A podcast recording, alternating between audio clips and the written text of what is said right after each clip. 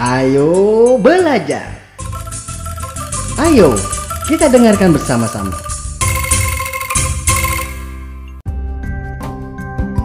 Sahabat edukasi, welcome back to Radio Suara Edukasi with our favorite program, Ayo Belajar.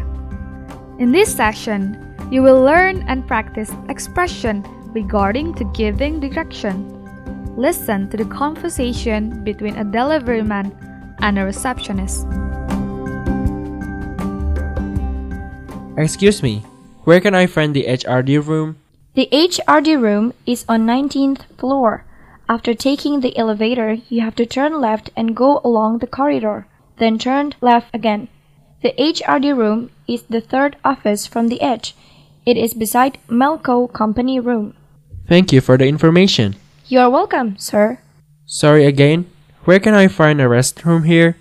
You can find it in each floor near the elevator.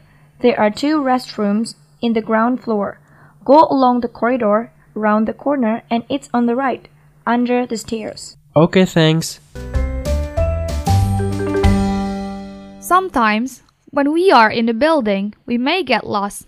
In giving direction inside building, we need to use preposition for easy references. Here are common prepositions used in giving direction inside buildings.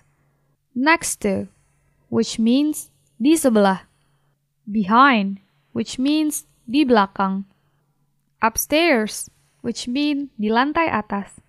Opposite, which means berlawanan.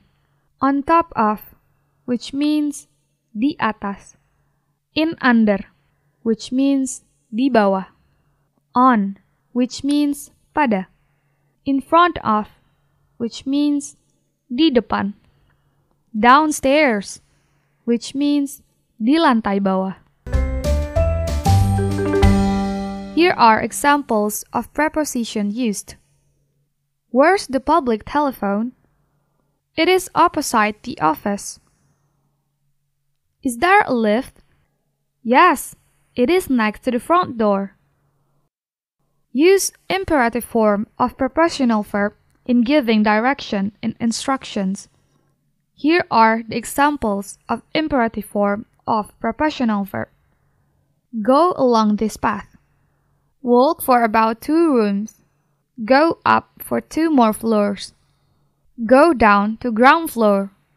Turn around to the back of the elevator. We can also put the subject, you, to make the expressions more polite. Example You go along this corridor until you find two sections. You go up for two more floors. You walk for about two rooms. Sahabat edukasi, you need to know some various terms generally used in mentioning the room inside the building. The difference of the terms will be found in the following conversation. Please listen carefully. Rina, I'm always confused by the terms ground floor and first floor when giving direction in the building. Do you know what the difference is? Actually, ground floor and first floor are the same things. The term ground floor is usually used in British English, while first floor is used in American English. Both ground floor and first floor refer to the floor of a building which position is at the street level. I see. When do we use ground floor and first floor? You can see from the elevator's button sign. The first three levels from bottom to the top in US are first floor, second floor, and third floor. Meanwhile, in British English, the first three levels are ground floor, first floor, second floor. Do you mean ground floor is what is in the US is called first floor? Yes, you're right. In giving direction, you need to give only basic direction with short phrases.